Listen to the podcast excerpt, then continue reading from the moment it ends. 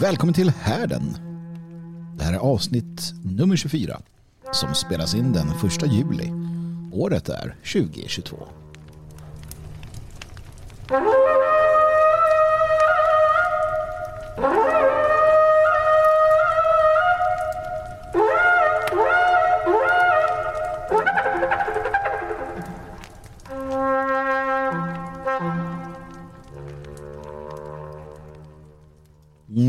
Varmt välkomna allihopa. Vad härligt att vara tillbaka. Härligt att vi eh, ska sitta ner här och eh, ha en härdens stund vid härden tillsammans.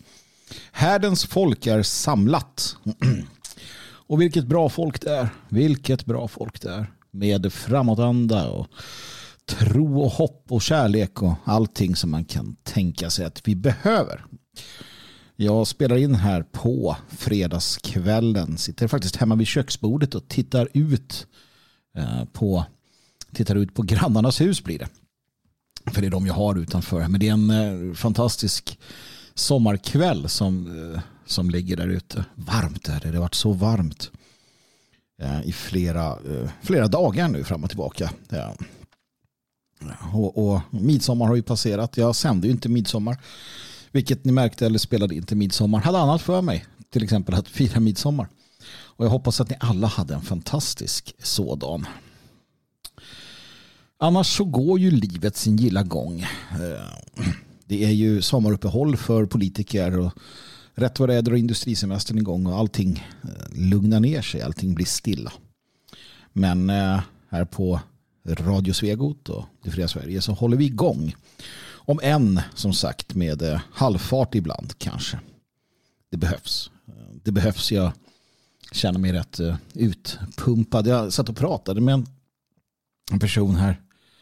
Eh, och kom fram till att man inte haft så att säga semester på, på länge. Jag brukar komma fram till det här med Dan också när vi pratar om det. Att eh, man, det här att, att koppla ner och koppla bort fullständigt, det, det händer liksom inte. Ja, och, det, och det gäller väl nog inte bara mig va? Även om, även om det, det jag håller på med gör att man, man, man är ständigt närvarande i medieflödet. Men det händer nog de flesta är det att alla har sina smartphones och alla har sina datorer, och mail och allt vad det nu heter. Vi är alltid tillgängliga och det där är problematiskt för att säga det. Säga det enkelt. Så jag passar på här vid något tillfälle när tillfälle ges att eh, kasta ut alla de här elektriska produkterna. Ehm, I alla fall för en helg eller för en vecka. Bara dra iväg, samla tankarna, tillbringa tiden med trevliga människor. Eller någonting. Vem vet vad det, vad det öppnas upp för, eh, för möjligheter framöver. Som sagt, eh, regeringen har väl tagit semester vid det här laget, eh, riksdagen och det blev ju bättre. Det blir bättre när de inte är där. Snart kommer valkampanjerna igång. Eh, vi kommer följa dem med, eh, med intresse. Det blir ju mer intressant naturligtvis under valår. Och Almedalsveckan. Ja, den drar igång, så är det ja. Och efter den så är det väl semester och, och lugn och ro. Ja. På Svegot så kommer vi fort, eh, vi, vi kommer ju så att säga eh, bevaka den Almedalsveckan så länge vi orkar. Och så länge den gör någon nytta. Men, eh, men vi ska prata om något helt annat. Vi lämnar det där åt, åt sig. Det där får bli en del av de dagliga sändningarna då vi pratar realpolitik på ett helt annat sätt. Jag hade tänkt, jag hade ett ämne för, eh, för här den här gången. Men så ändrade jag mig nu i sista sekunden. Det händer ibland oftast vet ni ju inte vad jag ska prata om så det är ingenting ni märker. Men i den mån som någon eh, sitter och väntar för att de har fått förhandsinformation så, så blir det någonting annat. Och det jag tänkte prata om, det får komma sen. Det här är så pass eh, viktigt och så pass eh, nödvändigt att jag måste återkomma till det med jämna mellanrum. När jag fått en ny infallsvinkel eller vad det nu kan vara så vill jag återkomma till vissa eh, grundläggande ämnen. Det är inte för att jag inte tror att ni har koll utan det är för att putta er lite, väcka till er lite, Det kan vara en örfil, det kan vara en torpare, det kan vara någonting som får er att tänka till igen. För att det är lätt att vi hamnar i vår lunk. Men vi är en del av en opposition. Glöm inte det. Härdens folk är en del av en opposition. Förvisso så gör vi då vad vi kan för att, för att hitta eh, vägar framåt. För att säkra eh, oss själva och eh, de vi håller eh, nära och kära. Men eh, icke förty så är vi en stridbar opposition också. Och det får vi inte glömma. Jag vill återbesöka ett ämne som handlar om vad som väntar oss. Det har blivit ännu mer tydligt nämligen. Det har blivit ännu mer tydligt. Det blir ännu mer tydligt för den som har ögon att se med och öron att höra. Och det kan finnas ett visst mått av vädjan i detta program också. Vädjan till er. För jag bryr mig. Jag bryr mig om er. Och jag vet att ni bryr er om mig. Vi bryr oss om varandra. Den som inte bryr sig om någon av oss kan gå ifrån härden och gå ut i kylan. För det är inte intressant. Passar inte galoscherna, stick. Jag tillhör dem som in i det längsta fortsatte att förfäkta barndomens slagord. Alltså de slagord som jag växte upp med när jag var tonåring. Bevara Sverige svenskt stod klottrat överallt. Det fanns på affischer, det fanns på klistermärken och flygblad. Oh, jag minns de där flygbladen, jag minns doften av dem. När de kom hem, när, när jag fick hem klistermärken. Ah, det är ett sånt här vackert minne, ett sånt här minne som gör en tårögd. Jag var 12 år gammal tror jag. När jag första gången fick en sändning av BSS klistermärkena började sätta upp. Det kändes som att jag gjorde någonting viktigt. Det kändes som att jag gjorde någonting av värde. Och det var en fantastisk upplevelse. Fantastisk upplevelse. Jag blir rörd när jag sitter här. Jag får, får tårade ögon. Det var länge sedan. Det var länge sedan. Jag sprayade BSS också. Med sprayfärg på tunnelfundament och liknande. Bevara Sverige svenskt. Det var vårt eh, slagord. Det här är början på 90-talet. Slutet på 80-talet. Och, och, Sverige var ju inte eh, helt svenskt då. Men så pass mycket. Långt mycket bättre än idag. Det, det, unga svenskar idag kan inte minnas det som jag minns en tid då inte var och varannan hette Ahmed eller Mohammed eller Aisha eller vad de nu heter. Mångkulturen eh, var inte ett etablerat faktum som man växte upp med. Det fanns men det var inte alls som idag. Sverige var svenskt, faktiskt. Och jag har hållit fast vid BSS in i det längsta. Jag har, har så att säga hållit hårt i det. Bevara Sverige svenskt. Men eh, det är nog med det nu. Det, det är över. Det är slut. Jag måste vara, och det måste ni också, vi måste vara i fas med vår egen samtid. Vi kan inte kommendera arméer som inte finns. Vi kan inte dra upp strategier utifrån en, en påhittad uh, verklighet. Det duger inte. Vi kan inte leva i det förgångna. Och vi kan inte formulera ställningstaganden utifrån en dröm. Jag vet att ni kan hantera detta och det är därför som jag känner mig trygg i att berätta det.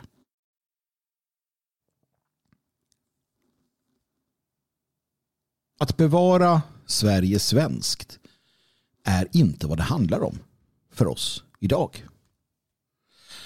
Och ska vi vara ärliga så har du inte gjort det på ganska lång tid. Det kanske inte är någon nyhet för dig.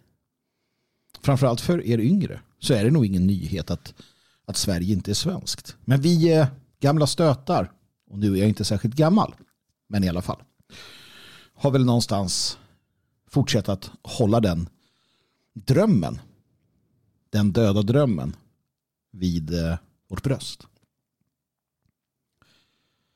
Jag, jag har ju sett det också. Det, det, det, det har jag. Och det, här, det här har jag liksom i omgångar ändå erkänt också. Men, men man har ändå mumlat att Sverige ska bevara svenskt. Men det är inte den uppgiften vi har. Ja, vårt uppdrag har ju förändrats i och med att Sverige har förändrats. Och som von Clausewitz påpekar så citat ingen plan överlever den första kontakten med fienden. Och vår plan gör det definitivt inte om vi bygger den på en död dröm. På en fel, falsk uppfattning av verkligheten. Och vi har tappat mark. Vi har varit tvungna att retirera. Den nationella oppositionen har inte varit i led med tiden. Vi, vi skrattar åt de konservativa för att sen vara som de konservativa i många fall. Jag menar inte att vi ska vara progressiva i onödan, men jag menar att vi måste vara i led med tiden. Vi måste förstå vart vi är någonstans. Och det är inget roligt. Och bita i det sura jävla äpplet. Och vi har varit tvungna att retirera. Faktum är ju den att den nationella oppositionen egentligen inte har lyckats med att hindra en enda främling att passera gränsen. Rent faktiskt så har vi inte lyckats bevara Sverige svenskt. Och då får man gå tillbaka till ritbordet. Då får man fundera över vad vi har misslyckats med. Ta polariseringen mellan män och kvinnor som vi ser i samhället. Vi kan tycka att det är fel. Vi kan tycka att eh, vänstervridningen hos en, jag ska inte säga majoritet av kvinnorna, men vänstervridningen hos kvinnorna som i vart fall lyfts fram i undersökningarna. Att det är tokigt, att det är fel. och Så ska det inte vara. Men det är ju så. Och då måste vi fråga oss varför. Vad är det vi missar? Vad är det vi gör fel? För att tittar vi historiskt sett så har nationalismen varit en eh, magnet för eh, kvinnliga väljare. Så någonting är det. Det är värt att titta närmare på. Också våra förståelse för Sverige och, och svenskheten och identifikationen kan vara värt att titta närmare på. Vi vet vad som är rätt och vi vet vad som är fel. Vi vet att eh, Per Engdahl, den eh, namnkunniga nationalistledaren i Sverige redan på tidigt 80-tal tror jag det var, formulerade idén om att det var dags att sluta prata om ras och börja prata om andra saker. Någonting som BSS och sen då Sverigedemokraterna plockade upp. Han såg denna problematik tidigt. Och nu måste vi såklart kunna se skillnad på olika, ja, olika forum. När jag pratar med er i Härdens folk så kan jag prata ras. När jag pratar med andra så kan jag göra det. Men vi kanske som opposition måste eh, tänka om. Parlamentarismen och partiväsende, hela den saken också.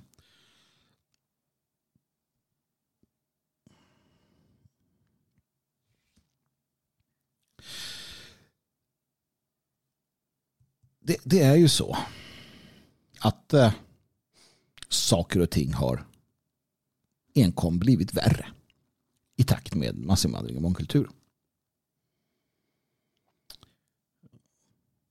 Sverige har tagits över i, i faktisk bemärkelse. Och oppositionen börjar nog inse mer och mer att det handlar om att vinna folks själar och hjärtan. det handlar inte så mycket om realpolitik. Att Sverige inte är Sverige inser vi när vi ser oss omkring. När vi spänner öronen och lyssnar på sorlet från gatubilden. Vi är i majoritet som svenskar men det är på väg att förändras och det är på väg att förändras väldigt snabbt. Och i förorterna så tappar myndigheterna kontrollen allt mer. Rekord i skjutningar etc. har vi ju. Vi måste laga efter läge. Vi måste förstå vad vi har emot oss. Sverige AB är inte vår regering. Svenska polisen är inte vår polis. Sociala myndigheter är inte våra sociala myndigheter.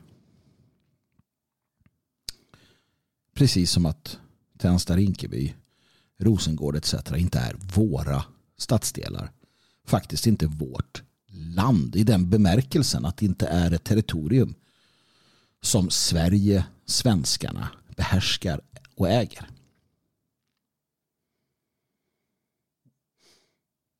Vi måste förstå vilken som är vår uppgift för att kunna utföra den. Och vår uppgift är inte att bevara Sverige svenskt. Vår uppgift är att återta Sverige.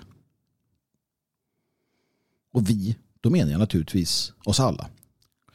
Det fria Sverige har en vision, en idé. Jag återkommer till den här lite senare i programmet när jag berättar hur det här tar slut. Hur allt kommer att sluta. För jag vet det. Jag vet hur det här kommer sluta.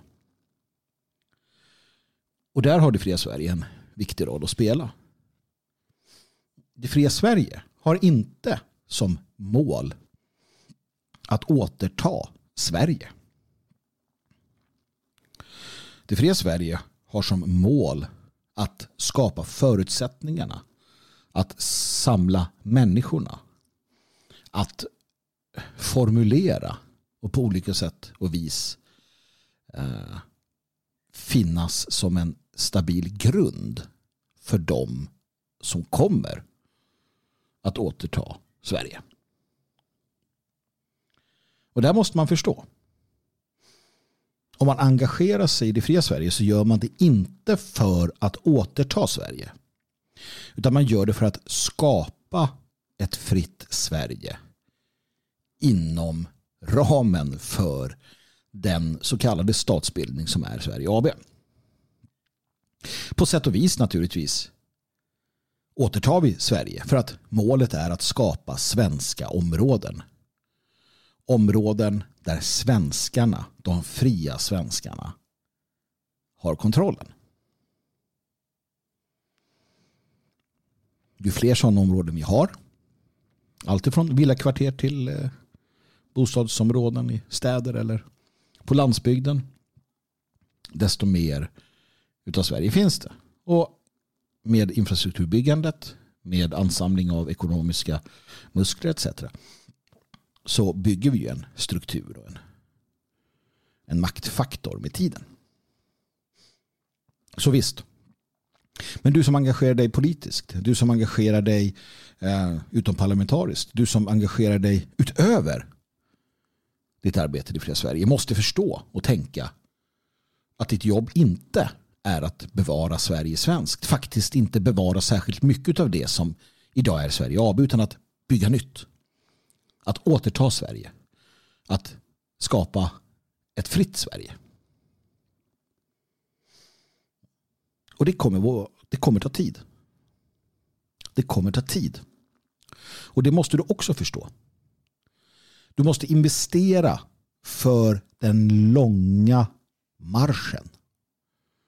Du måste förstå att du med största sannolikhet inte kommer få uppleva det. Det tog det kristna Europa 800 år att återerövra Spanien från musulmanerna. Rekonkistan. Återtagandet. Återtagandet av europeisk jord. 800 år.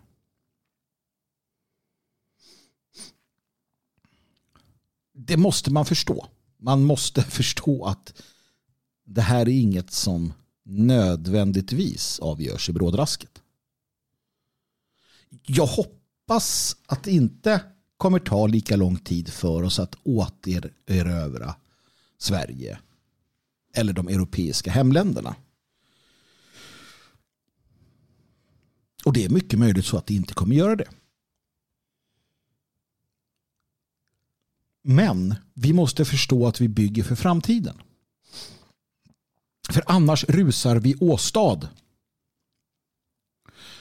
Förblindade rusar vi in i en den ena, en den andra um, futila försöket. Det futila försöket att göra ditten eller datten, att hitta de snabba resultaten och så vidare. Och varje gång vi gör det så kommer det sluta med att vi misslyckas. För att när man gör så, när man rusar in i någonting, då blir det sällan bra. Jag borde lyssna på mig själv oftare. Jag borde verkligen lyssna på mig själv oftare. Att rusa in i någonting blir sällan bra. Att metodiskt och försiktigt men helhjärtat och med passion göra någonting. Det blir bra. Det blir gediget. Det blir solitt. Som sagt, man bör lyssna på sig själv oftare. Intuition, kära du. Intuition. Du har den. Lyssna på den. Att hålla lågan brinnande i det långa loppet kräver ju passion. Det kräver motivation. Det kräver de små segrarna. Och det är det också vi finner i härdens folk och i det fria Sverige och bland de fria svenskarna. De små segrarna. Lokalavdelningen där. Det nya ansiktet. Det nya namnet i chattgruppen. Den eh, fantastiska sommarfesten.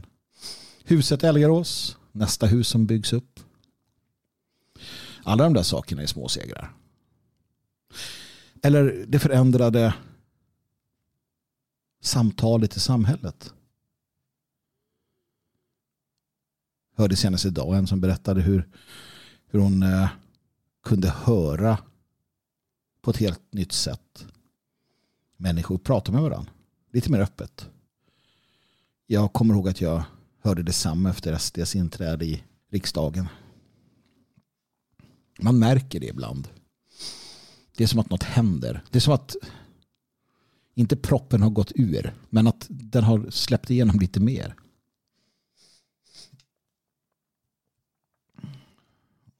Jag vet inte hur lång tid det kommer ta.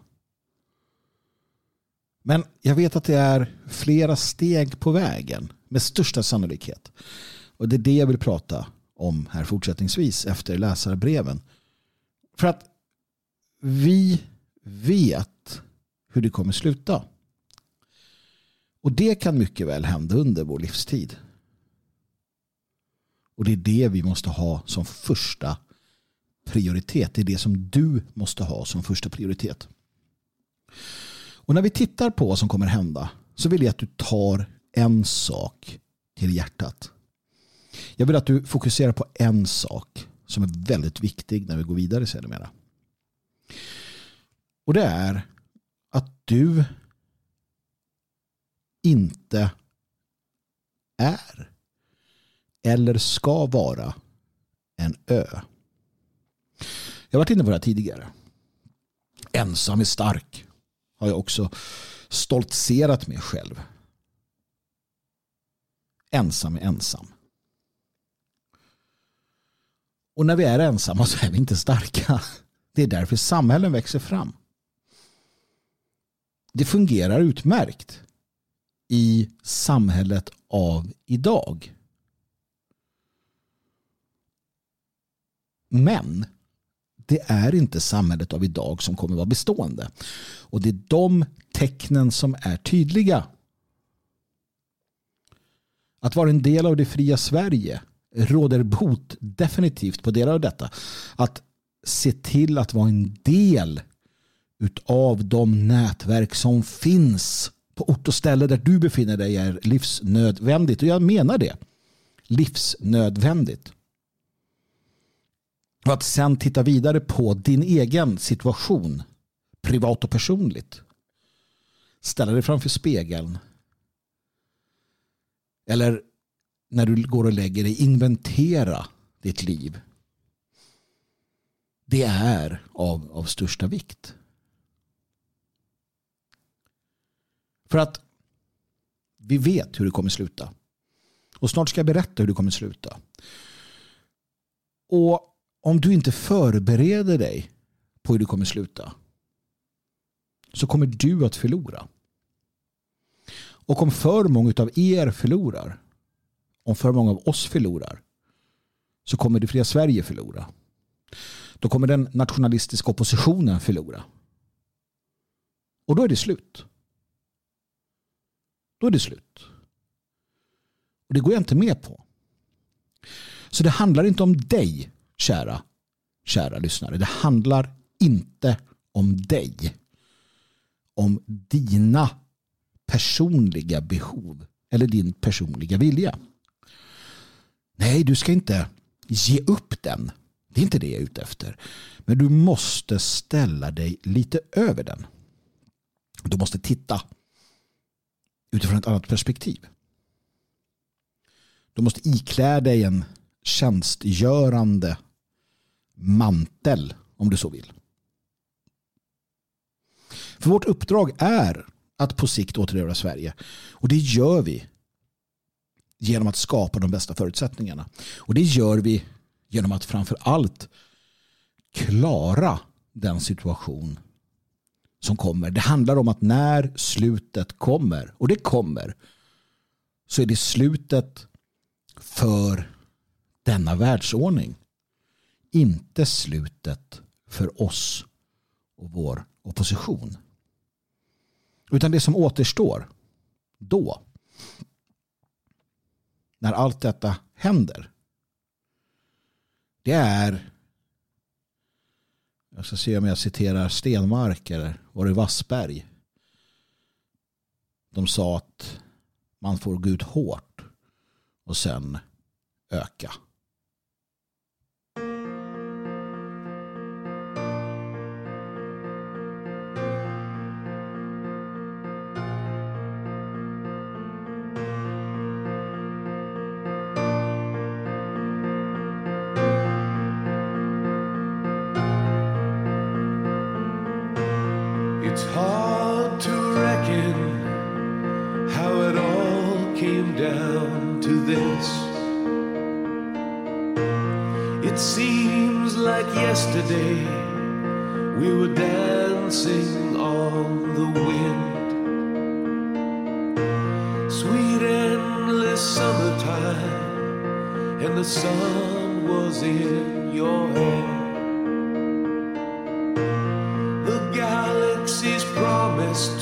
us there was magic in the air. Great northern paradise, white mountains rising tall.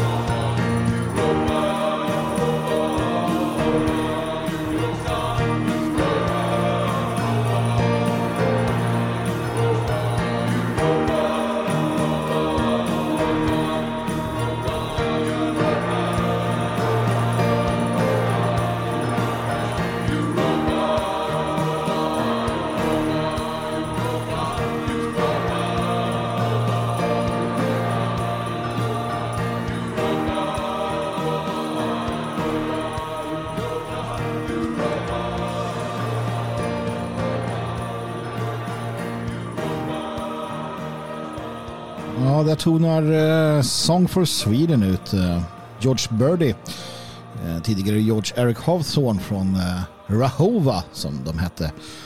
Nu med eh, bandet Überfolk. Eh, en fantastisk eh, Song for Sweden som eh, såklart eh, spelas i samarbete med Midgård, Midgård Shop, Midgård Records där du hittar all bra nationalistisk musik du kan eh, tänka dig.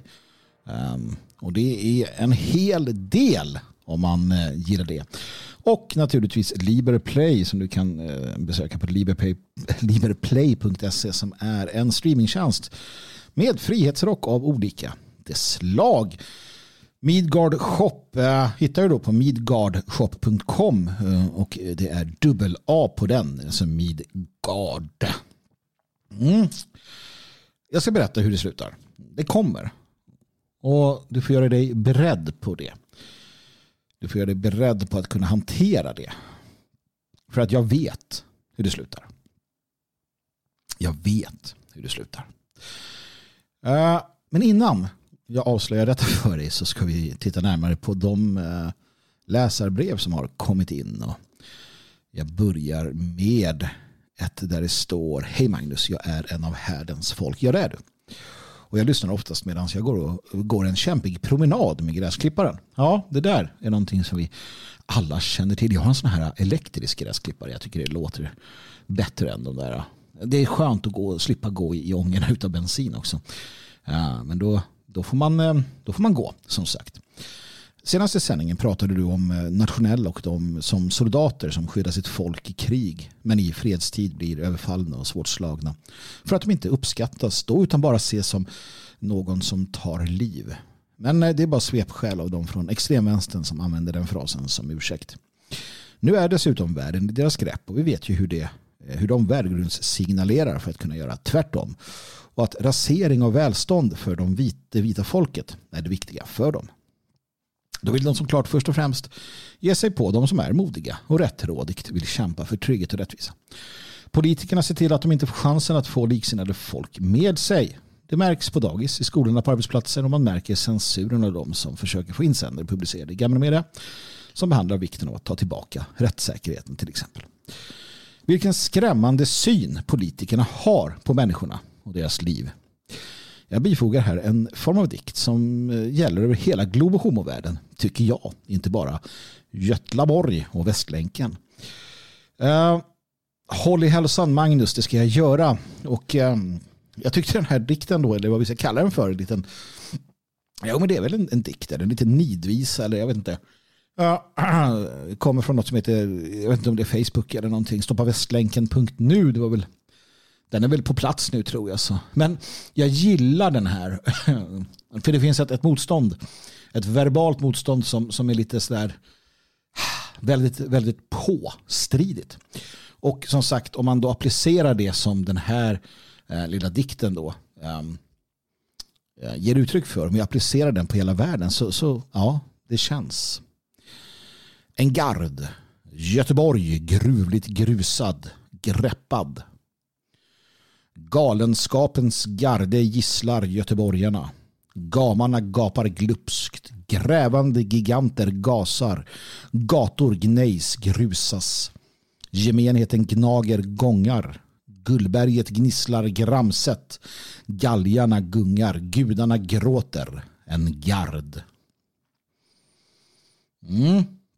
Det är lite Sauroman um, över det hela lite ortank, lite industrialismen eller eh, vad ska man kalla det för?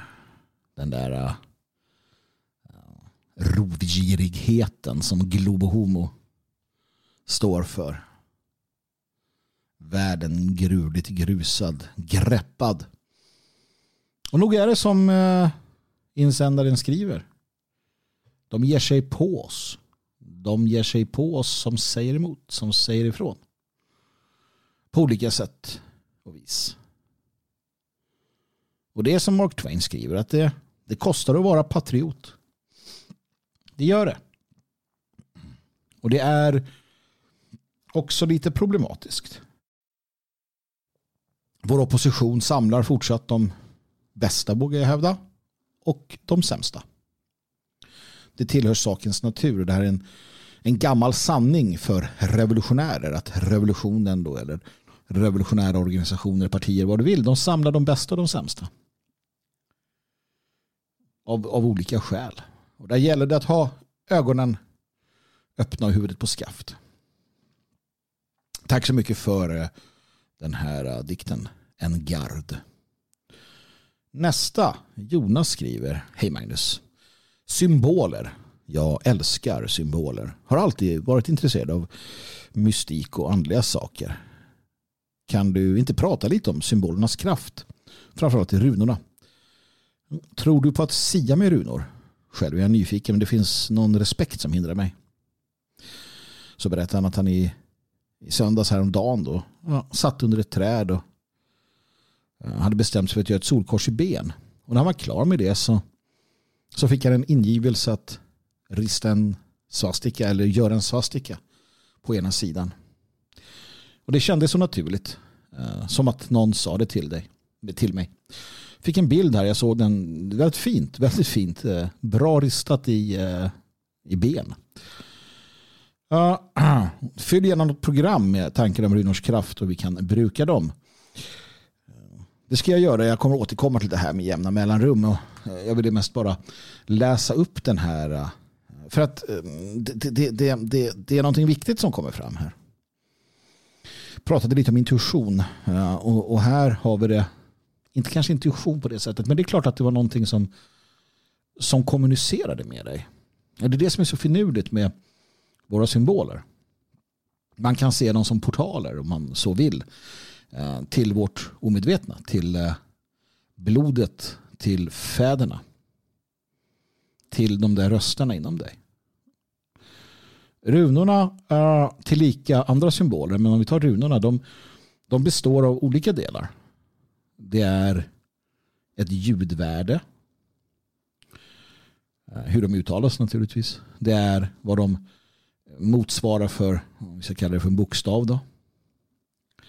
Det är som skrivtecken då. Det är också den inneboende betydelsen.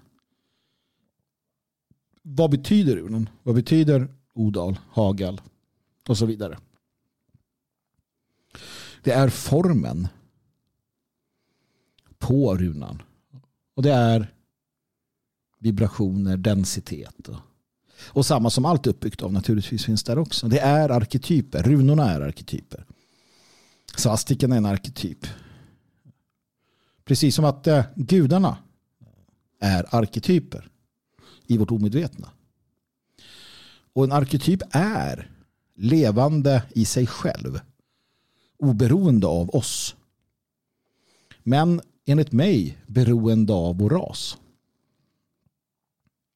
I alla fall som manifestation i denna värld. Utan vår ras så kan inte vår ras och arketyper meddela sig eller manifestera sig.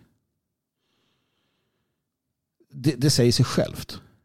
Det finns vissa gemensamma, elden är en gemensam arketyp för alla. Den är så, så grundläggande. Den kommer fortsätta påverka.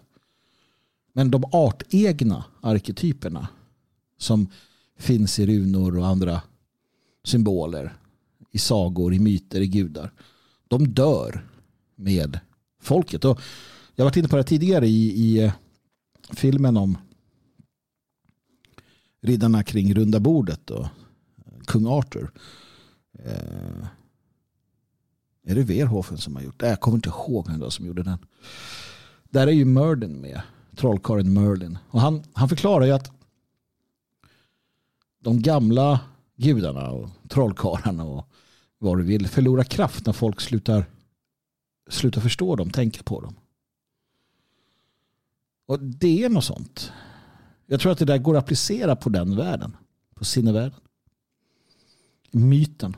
När, våra, när, våra, när vårt folk tänker på våra tomtar hustomtar och ger dem mat. Och när vi tänker på och, och värderar runorna och liknande då, då lever de starkare inom oss än vad de gör nu och det är därför man förbjuder man förbjuder våra rassymboler man förbjuder förbjuder eh, försöker få bort runor och liknande för att det finns kraft i dem de väcker något inom oss de skapar någonting inom oss om dessa syntes hela tiden om dessa var allestädes närvarande i vårt samhälle så skulle vi fyllas av deras kraft.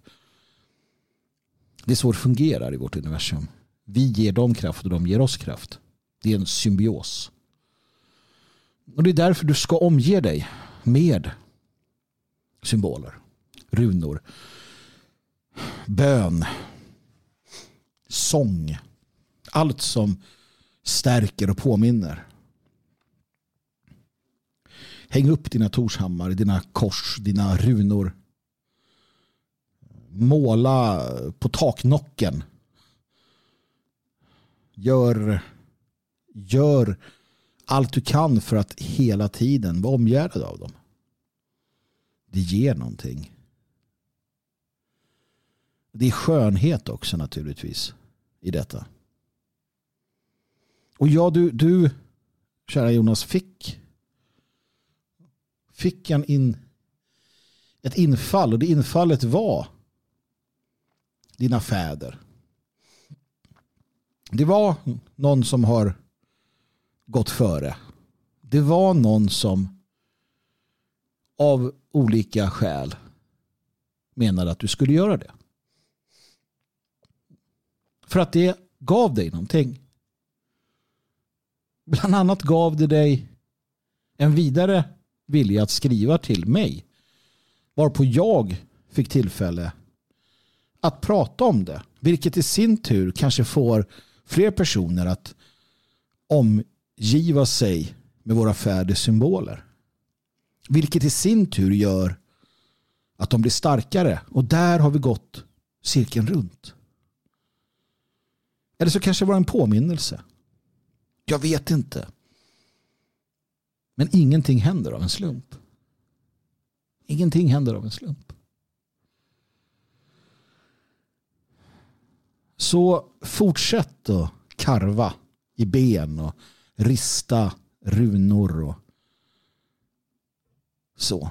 På din fråga om det går att sia i runor så uh, passar jag mig för sånt jag inte förstår mig på.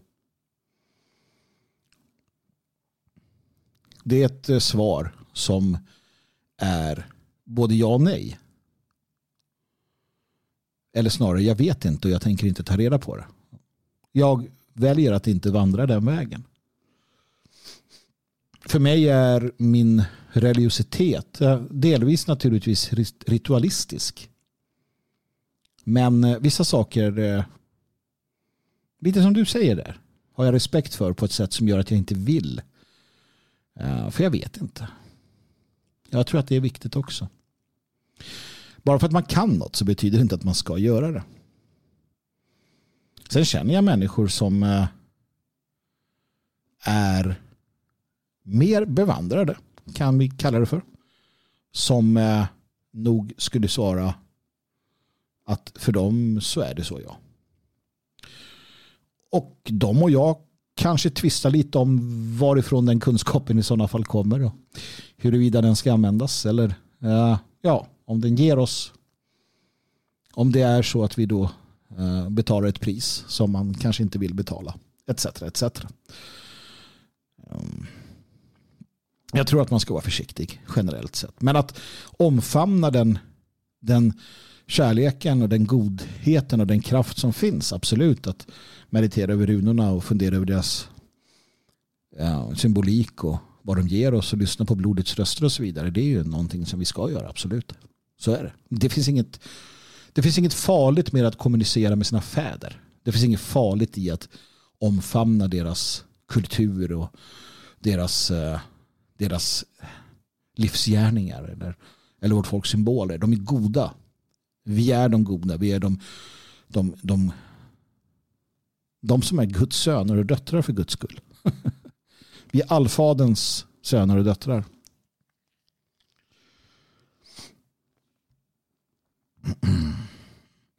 Sist av allt skriver kardinalen. Hej Magnus. I förra avsnittet, eh, om jag inte missminner mig, så pratade du om att inte passa in. Eller om det var viljan att passa in. I vilket fall som helst så är det något som jag tror många reflekterar över ibland. Och så även jag. Något jag brottas med hela livet. Känslan av att eh, inte vara som de andra. Eller jag säger gör hela tiden en massa fel. Vad ska folk tänka? Detta har funnits med i mängder av sammanhang, sociala såväl som i jobbsammanhang, men också inom mitt politiska nationella engagemang. Vad har du för bra tips på hur man kan navigera sig bland likasinnade utan att skena iväg och riskera att bli stämplad som tokstollen?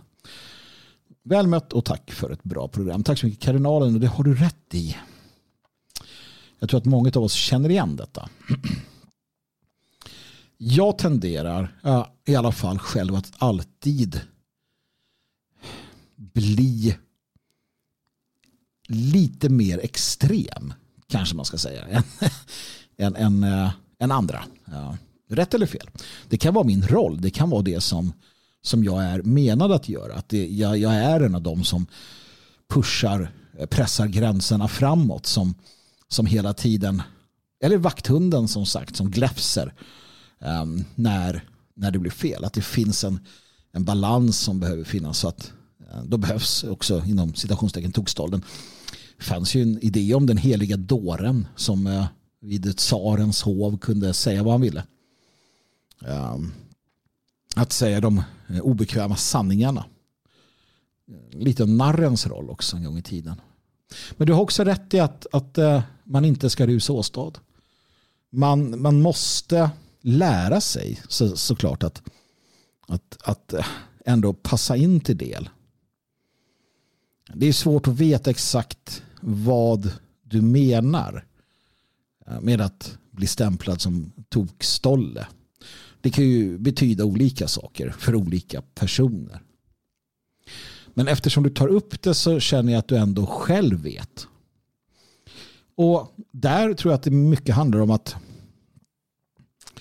att, att lära sig att eh, andas. Att lära sig att, att vänta innan man, innan man säger, tycker, tänker, skriver. Utan man, innan man uttrycker sig. Ehm, det handlar helt enkelt om att, att egentligen undertrycka behovet av att alltid säga det man känner. Jag tror att många av oss har en väldigt, ibland brukar jag säga att eh, från, alltså att, att det är cut and paste, gärna mun utan ett filter. Och man vräker ur sig saker. Jag, jag är sån också. Det, det, kan, det, kan, det, kan, det kan skapa problem i privatlivet. Att man vräker ur sig saker ehm, som man inte har tänkt igenom. Och, och kanske inte ens menar. Eller att man, att man går in i en... För att man är så van att alltid behöva försvara sina ståndpunkter eller sina åsikter så går man in i liksom ett argument med, med sin, sina närmaste, sina kära, sina nära som att det är en strid. Det, det är sånt som, som händer. Det är sånt som jag själv har varit med om fler gånger än en och det förstör varje gång. Man måste lära sig att släppa det där. Man måste lära sig att veta när man ska använda vilken arsenal. Man pratar inte med sin flickvän eller fru som man gör med en eh, politisk motståndare. Det, det gör man inte. Man, man, man behandlar inte man behandlar inte familjeargument eller familjesammankomster som vore de politiska möten och så vidare. Man framhärdar inte alltid. Det här tar tid att lära sig. Och, ju, ju mer man reflekterar över desto lättare blir det också med tiden. Men det är ju också så att vi är inte som, som alla andra. Jag, jag sa det att äh, vi attraherar de bästa och de sämsta. Det vi attraherar definitivt det är människor som är fritänkare. Det är människor som, som inte passar in. Det är särlingarna. Eh, både på gott och ont naturligtvis. Det är vi som säger det vi ser. Det är vi som äh, ja, är beredda att offra saker. Det är vi som beredda att offra kanske fel också. Vi bryr oss inte. Vi har inte konsekvensanalysen klar för oss. Vi kanske är lite slarviga ibland. Jag brukar tänka på det som Henrik Jonasson pratar om. Eh, om männen som liksom jag hade ett samtal med, med min son om det här. Hur vi män kan tendera att vara, inte alla men många av oss. Det här att, att liksom kasta oss in i galna upptåg. Det finns kvinnor som gör det också. Ehm, men ni vet, när jag pratar så pratar jag utifrån ett manligt perspektiv. Det är upp till kvinnorna att prata med varandra ur ett kvinnligt perspektiv. Jag kan bara försöka förklara hur vi är. Och vi kan eh, göra det. Slänga oss in i galna upptåg. Bara för att, helt utan anledning. Med en passion som, som är eh, obeskrivlig. Det kan vara allt från att klättra i berg eller till klättra i träd. Och allt möjligt tokigt vi hittar på. Det här har ju varit en del av den, den, den, det, det, det folk vi är. Och den faustiska anden och så vidare. man kan också ha en, en, och jag har det till del också, en sån här äh, ganska ödesmättad syn som, som uh, allting är väldigt stort. Allting är väldigt viktigt och allvarligt. Um, och det där också då kan återspegla hur, hur ett samtal med någon som står en nära eller en, en konflikt som egentligen inte var eller behövde vara en konflikt. Hur den kan urarta på grund av att man själv inte har förmågan kanske att, att skilja skilja på när det är liksom den här politiska striden man ger sig in i och, och faktiskt bara en, en insikt om att man har gjort bort sig. Att man, att man är strid, man ska vara stridbar hela tiden. Framhärda att man har rätt hela tiden. Sådana saker. Det, det är sånt som förstör relationer, både vänskapsrelationer och kärleksrelationer.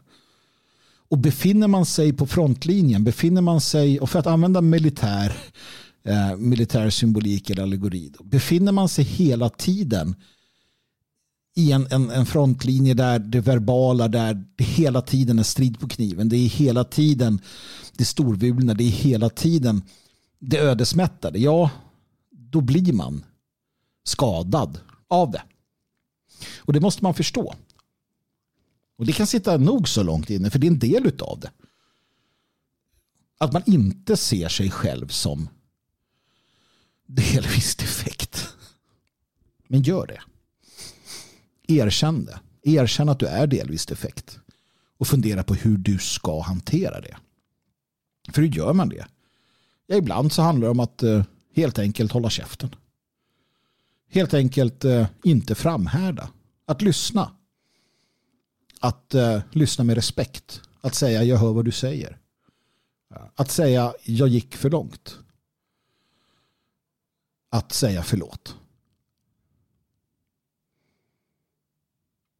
Det tror jag är en, en, en, en viktig sak.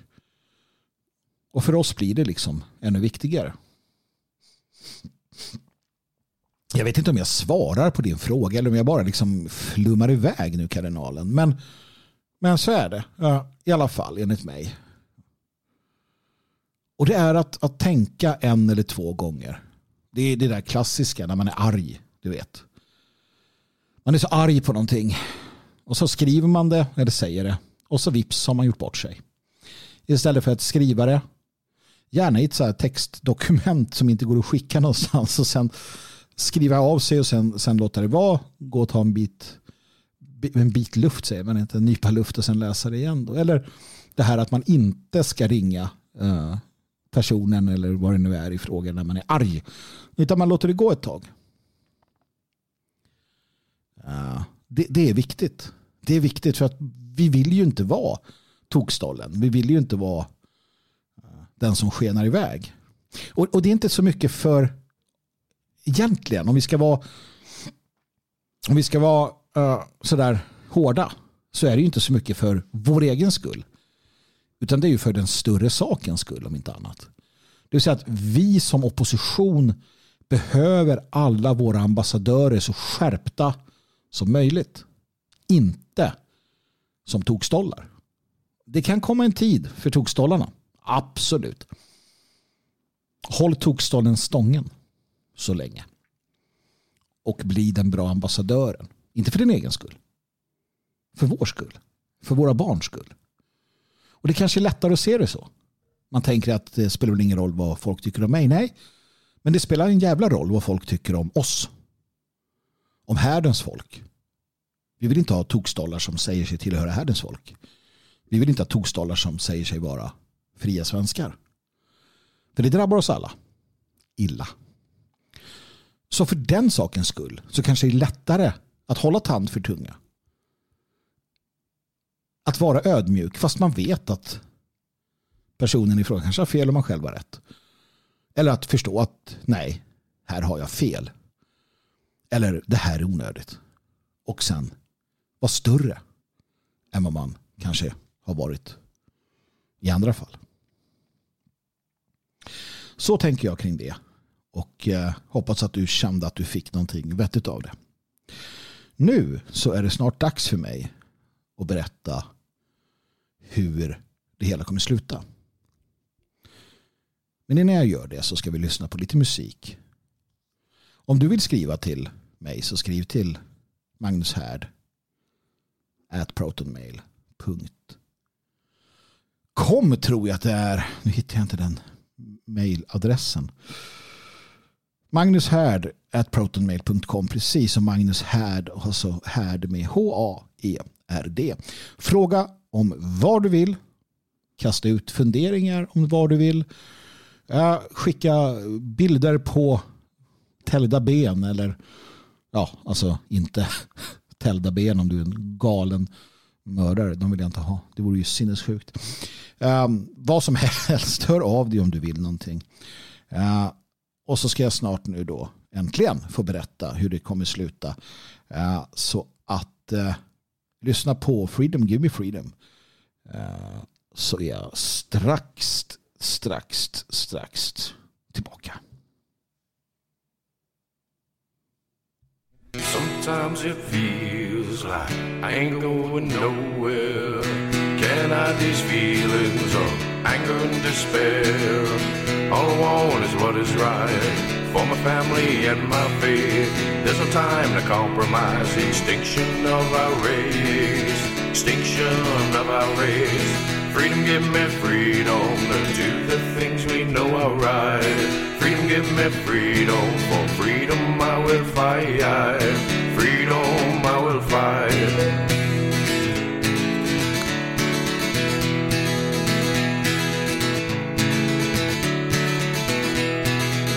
Been a rebel since I don't know when. Wouldn't have it any other way. Now fight to the bitter end. Fight to have my say.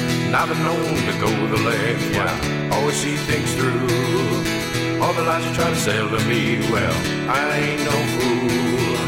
I can see through you. Freedom, give me freedom to do the things we know are right. Freedom, give me freedom. For freedom, I will fight. Freedom, I will fight.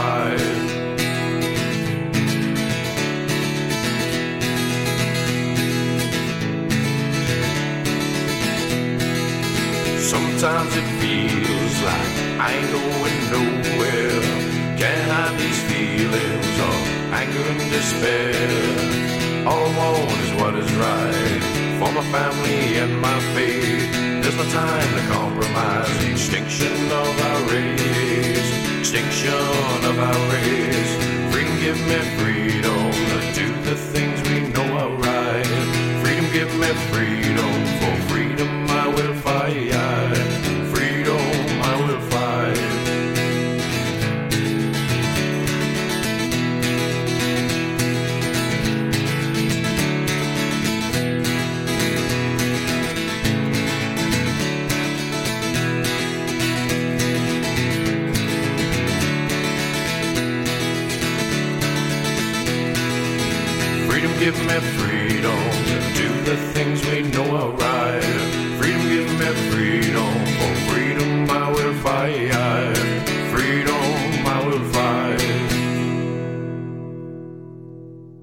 Griffin, eh, Freedom Give Me Freedom i samarbete med Midgård, eh, recordmidgårdshop.com. Eh, mm. Jag stötte på en dokumentär, Vetenskapens värld på SVT Play, Massakern i romarrikets skugga och jag läste följande. Det fanns en tid då nordiska leoknektar stred både för och emot kejsarna i romarriket. Under marken i den gamla fornborgen på Öland ser forskarna spåren av en massaker. Unga som gamla har dödats utan urskiljning. Och ju djupare arkeologerna gräver i historien desto tydligare blir kopplingen till den samhällskollaps som skedde i Europa på 400-talet. Fornborgen Sandbyborg på sydöstra Öland rymmer spår av en fruktansvärd massaker där invånarna dödades någon gång i slutet av 500-talet efter Kristus. En teori är att massakern var en del av en våldsam maktkamp på Öland under den turbulenta folkvandringstiden. Hur fruktansvärd den massakern var har den på ett världsunikt sätt frusit två ögonblick för 1500 år sedan. Först vardagslivet innan massakern och sen själva massakern. Och det var vad programmet handlar om. Väl värt att se. Och det finns saker i detta program som visar hur det kommer sluta. Det är så tydligt för den som kan se och tolka och förstå historien. Vad hände i Europa, i den kända världen vid de här tillfällena? Den här äh, dokumentären, äh, den här äh, filmen berättar lite om det. Inte allt, men lite grann. Och bland annat berättar den att romarna pressades tillbaka. Ytterområdena föll, ofta under tryck av germaner. Och man förflyttade sina trupper, sin styrka, inåt, neråt, mot sig. Riket krympte i det att man inte kunde upprätthålla sin ordning på allt fler platser. Det som hade varit kejsardömets ytterkanter föll när germanstammar tog över. Och då var det inte längre Rom. Det var inte romarriket. Det var germanska, inte nationer kanske, men platser under germansk kontroll. Så sakta men säkert krymper då romarriket i och med att det pressas på utifrån. Och varför pressas det på utifrån? Hur, hur kommer det sig att detta rike då som kunde upprätthålla sig under så lång tid nu eh, faller samman? Jo, av flera skäl. Framförallt en intern röta. Olika typer av samhällsfenomen. Vissa skulle kalla det för en generell urartning, degeneration etc. etc. Som, som försvagar samhället inifrån och det gör det gör att de yttre fienderna kan flytta fram sina positioner. Ett samhälle som ruttnar inifrån på grund av omoral, på grund av att man glömmer bort vilka man är, det unika värde man har, på grund av um, främlingar som får allt större utrymme. Eh, olika typer av sexuell perversion. Det själviska som tar makten över förståelsen för solidariteten. Maktmissbruk, korruption i de högsta leden. Falsk religion som utnyttjar och fångar själar. Allt det där tillsammans försvagar i det här fallet romarriket och gör att det rämnar inifrån. Och när det rämnar inifrån så finns det alltid krafter som tar chansen. Makten drar sig tillbaka från de yttre områdena. Man fokuserar till städerna i det gamla romarriket. Och någonting som jag lärde mig, det jag inte visste om, det var att gladiatorarenorna, ni har sett gladiator, ni har sett de här arenorna. De blev i de självande sista århundradena av det romerska rikets existens gated communities. Visste ni detta? Har ni hört detta? Man byggde om amfiteatrar och gladiatorarenor till befästa städer Vissa av dem kunde ha hundratals små hus och lägenheter. Och dit flyttade eliten. De flyttade in där och stängde dörrarna. Det, det är oerhört. Det är oerhört mina vänner. Och man säger att mitten på 400-talet så började kollapsen men det är klart att det där har börjat långt, långt tidigare. Få såg det. Det fanns filosofer, det fanns politiker, det fanns andra som såg att det här snusket, det här som tär på medborgarnas själ leder till eh, undergång. Men de lyssnar man inte på. Och en efter en faller de här eh, delarna av imperiet. Och det händer fruktansvärda saker. Maktkamper mellan stammar, maktkamper mellan rika eh, härförare och så vidare. Kriminalitet naturligtvis. Våld och förnedring och massakrer. Bland annat på Sandbyborg. Där män, kvinnor och barn slaktas. Antagligen som en del utav en fejd eller en strid mellan olika aktörer. Du vill veta hur det slutar. Det är så det slutar. Det är så det slutar varje gång. Varje gång. För jag lovar, och det här är det som är den springande punkten. Jag lovar att man satt i Rom eller andra städer i romarriket och tittade ut över sin lugna bakgata och hörde om krigsryktena. Man hörde om hur det kanske var uppror här eller där. Man hörde om att eh, i en annan stadsdel så hade det skändats kvinnor. Rånats, mördats, vad som helst. Och man tänkte att ja, ja, men det är ju där. Det är där, det är inte här. Det är inte där jag bor. Det är inte där min familj bor. Här är det ju tryggt. Titta, vi har ju, vi har ju trygghet kring oss. Vi har ju, vi har ju de här äh, soldaterna har ju en, en kasern här bara en, en, en bit bort. Det här är ingen fara. Gång på gång på gång genom historien. Och sen kommer de där jobbiga typerna som säger att eh, vi måste göra någonting. Det här går inte. Låt oss eh, göra bot och bättring. Låt oss eh, ta saker i egna händer. Vi kan inte lita på myndigheterna. Vi kan inte lita på kungen. Vi kan inte lita på prästerna. Kom igen nu. Puh, hörde du din, din hetsare där det är ju mitt liv. Jag har det ju så bra här. Min amfora är full med vin. Va? Jag vill inte. Nej då.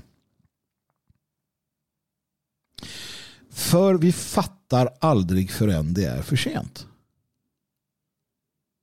Det, det, är bara så. Vi fattar aldrig förrän det är för sent. Att det var för sent. Eller Somliga gör ju det. Och somliga agerar. Men de flesta blir varse när det händer. Ett bra exempel är ju de som som eh, vaknade upp till rysk invasion och robotangrepp i Kiev. Man var rätt säker där man satt. Att det kommer inte hända någonting. Och så händer det. Ett par timmar senare. Kriget i Jugoslavien. Pang. Det händer. Upptrappningen, uppmarschen var inte så där vansinnigt lång. Libanon.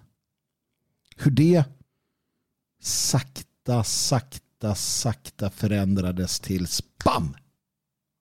Inbördeskrig, elände, massakrar. Där satt också folk och tänkte att nej då. Jag har det så bra här med min amfora full med vin.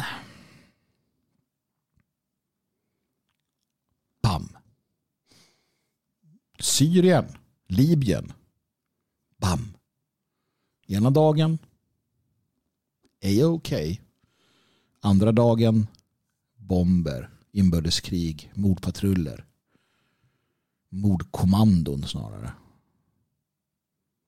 Ett FN som inte har någon makt. Krigsherrar som dyker upp. Ena dagen ett lugnt fint samhälle. Pang andra dagen kaos, pandemonium.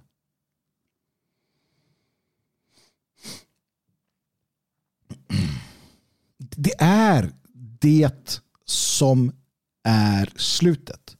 Det är så det slutar. Och det finns alltid den där noa som går runt och säger snälla för i själva helvetet. Gör någonting nu innan det är för sent. Träng inte bort den här informationen. Träng inte bort den här känslan. Lyssna på det du har inom dig. Bedrä ditt lugna liv är bedrägligt. Du, du måste förstå att det kommer att sluta så här igen. Eller vad tror du blir konsekvenserna? Det kan hända i denna lågkonjunktur som kommer, i denna inflation. När bidragen ska betalas ut till 800 000 utlänningar som inte försörjer sig själva och så finns det inga pengar om det går så illa. Vad händer då? Kommer de sitta där stilla i sina områden och bara, nej men okej, då vart det inget den här månaden. Eller kommer de ta det de behöver? Och det är bara en av många krutdurkar. Lugnet i Sverige är bedrägligt.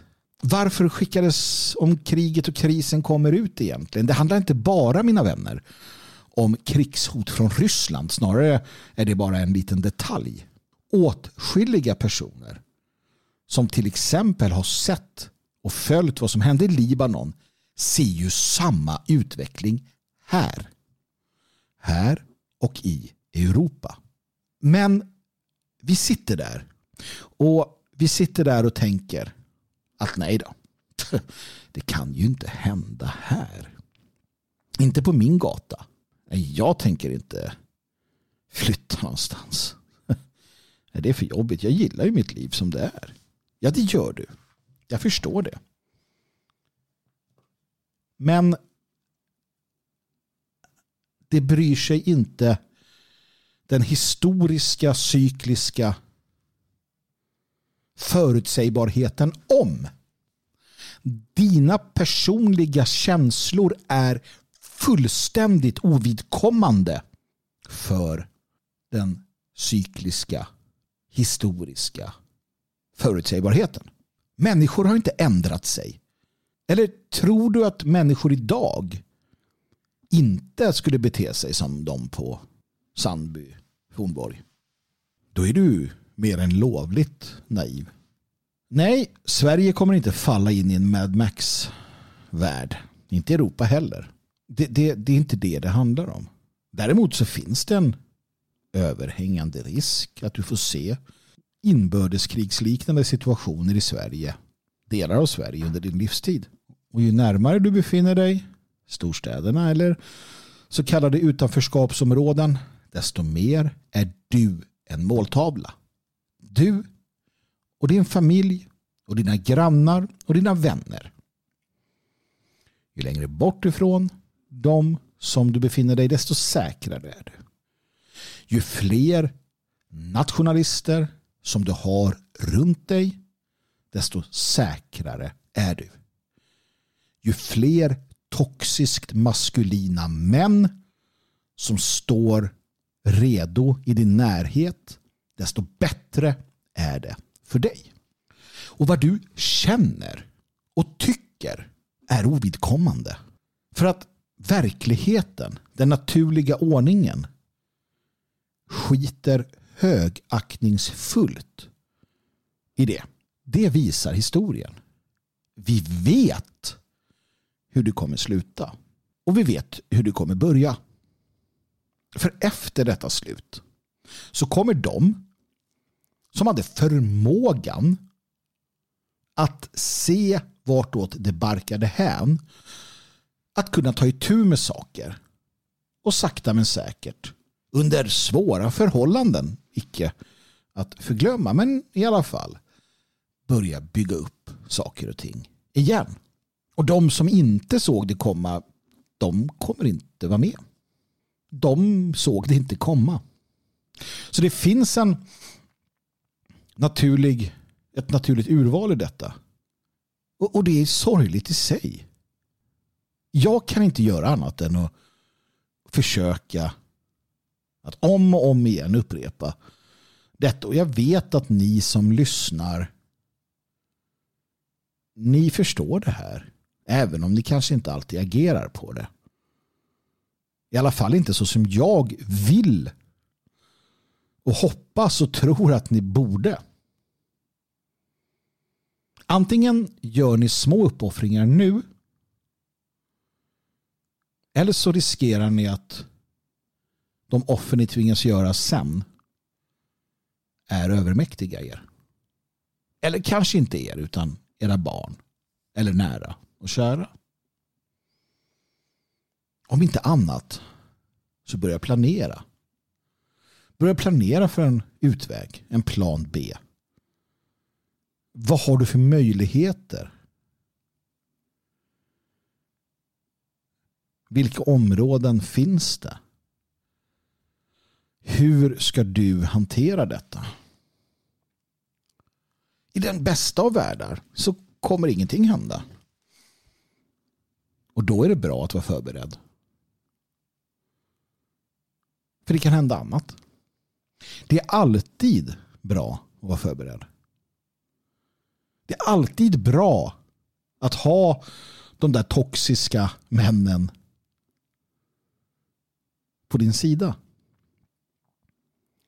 Det är alltid bra att ha den där plan B levande. Det är alltid bra att eh, hitta de där sociala sammanhangen där du sen kan både få och ge styrka, skydd etc.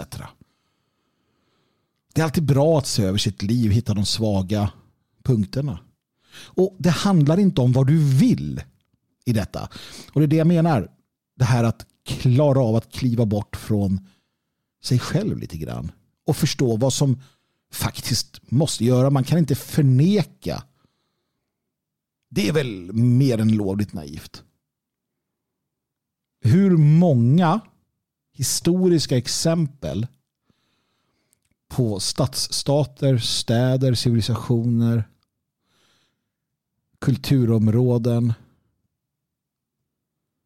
nationer, imperier behöver man för att förstå vart mångkultur, massinvandring, folkutbyte, depravering, moralupplösning, nihilism, gudlöshet, materialism, själviskhet och annat snusk leder till.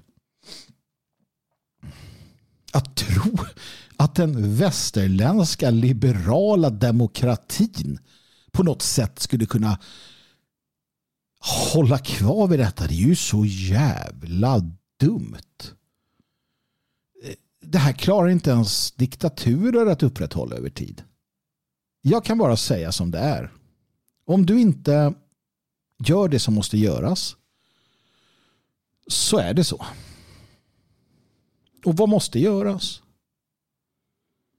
Du måste skaffa de möjligheterna som behövs för att kunna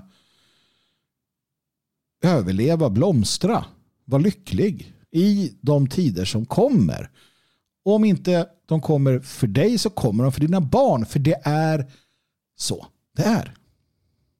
Eller barnbarn. Och då skapar man över tid robusta system, robusta sammanslutningar. Och låt oss börja med mannaförbundet. Låt oss börja med den lilla gemenskapen. Låt oss se till att ni hittar platser som ni kan försvara, som ni kan göra till era. Och har du ingenting där du befinner dig, kom till oss här i Elgarås. Vi bygger så sakteliga detta. Och du kan bygga det på andra platser. Jag eh, tänker inte försöka tvinga hit någon. Det blir aldrig särskilt bra. Men sitt inte för länge och vänta. För det har människor gjort. Det har människor gjort genom historien. Och det slutar aldrig väl för dem. Och jag vill av hela mitt hjärta att det slutar väl för var och en av er som tillhör härdens folk, som är fria svenskar. Jag ber till allfader Gud, till alla goda krafter, att var och en av oss ska leva och vara en del utav den här nya gryningen som kommer. Som kommer bortom fallet, som kommer bortom slutet. För det kommer ta slut. Och det riskerar att ta slut mer förr än senare. Och förr än du anar. Jag kommer att fortsätta arbeta stenhårt utefter denna förutsägelse som jag gör stående på historiens axlar. Om och om och om igen så har mer robusta, mer krigiska och starkare system än den liberala västerländska demokratin hamnat i våld och elände på grund av precis det som händer hos oss nu. Och våga inte prata om något svart piller. Våga inte hänga läpp. Våga inte ge upp i skenet av detta. Våga inte det. I sådana fall marsch bort från härden. Du vet vem du är. Du är här för att du kan hantera det och förstår du inte det? Efter att vi har resonerat om detta. Efter att vi har stärkt upp varandra. Ja, då vet jag inte. Och det kan kännas för jävligt, absolut. Och det kan vara jobbigt, absolut. Men kom hit. Hör av dig. Låt oss bära varandra.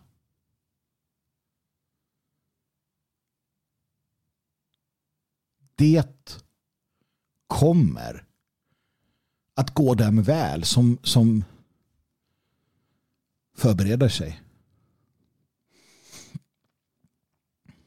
Om du ska förbereda dig för, om du vill ha fred så ska du förbereda dig för krig. Om du vill ha lugn och ro, lycka, välgång, välstånd så förbered dig för det precis motsatta. Förstå att ensam bara är ensam. Förstå att det som hänt förr händer igen. Förstå att du inte är förskonad när det bräckliga systemet faller. Ta ansvar för dig själv och för dina nära och kära. Och bli en del utav den storslagna framtid som faktiskt väntar vårt folk. Sist av allt, tack till Thomas, tack till kardinalen för era generösa donationer.